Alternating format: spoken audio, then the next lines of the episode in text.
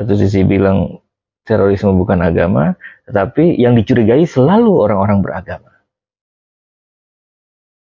Badan Nasional Penanggulangan Terorisme mengusulkan ya saat mereka ngumpul ngobrol dengan Komisi 3 di DPR, mereka mengusulkan uh, agar pemerintah melakukan kontrol terhadap semua rumah ibadah untuk menangkal radikalisme. Satu sisi tokoh-tokoh kita bilang bahwa terorisme itu bukan agama.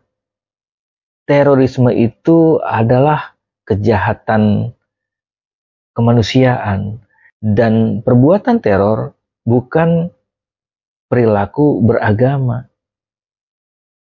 Tetapi kenapa yang dicurigai selalu orang-orang yang beragama, orang-orang yang rajin beribadah, orang-orang yang mengekspresikan ekspresi keagamaannya. Satu sisi bilang terorisme bukan agama, tetapi yang dicurigai selalu orang-orang beragama. Bahkan rumah ibadahnya akan dikontrol meskipun masih usul, ya. Ini sama saja kita kayak flashback kembali ke zaman Soeharto ya, ketika Indonesia dipimpin oleh kekuatan Orde Baru, di mana pemerintah saat itu sangat represif terhadap uh, penganut agama, terutama Islam, ya, sehingga ada kontrol ke masjid-masjid, kontrol ke korps mubalik, ya, kontrol ke ustadz-ustadz. Ada istilahnya itu omongan setiap sholat Jumat ada yang mantau dan segala macam. Salah ngomong dikit dipanggil. Mau balik lagi kayak gitu. Argumennya ini adalah hasil dari studi banding ke negara-negara tetangga ya. Yang katanya uh, mereka di sana radikalisme, terorisme itu bisa ditekan karena memang ada kontrol yang kuat dari pemerintah terhadap rumah-rumah ibadah. Padahal kalau mau studi banding ya, ngelihatnya yang lebih kompleks. Ngomongin terorisme, ngomongin radikalisme, kita harus ke akarnya nih. Radikalisme kan ngomongin akar ya. Tinggal apakah itu akar tunggal atau akar serabut. Kalau kita ngomongin akar, kita mikir lagi deh, apa sih yang membuat orang mau bergabung di dalam gerakan teroris atau gerakan radikal. Gue pernah bikin konten tentang ini udah lama sekali ya. Kenapa anak muda gampang banget direkrut ya? Nanti bisa dicek lah kontennya ya.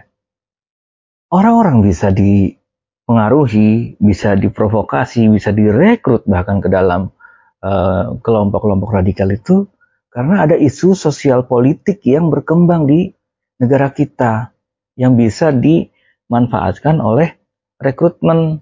Contohnya ketidakadilan, ya, gap masyarakat yang semakin miskin, pengusaha yang semakin berkuasa, perburuhan yang buruh semakin uh, merasa sulit ya hak-haknya sebagai buruh. Apalagi korupsi ya. Korupsi yang menjadi-jadi bahkan koruptornya itu bebas mengatur mengelola hukuman ya.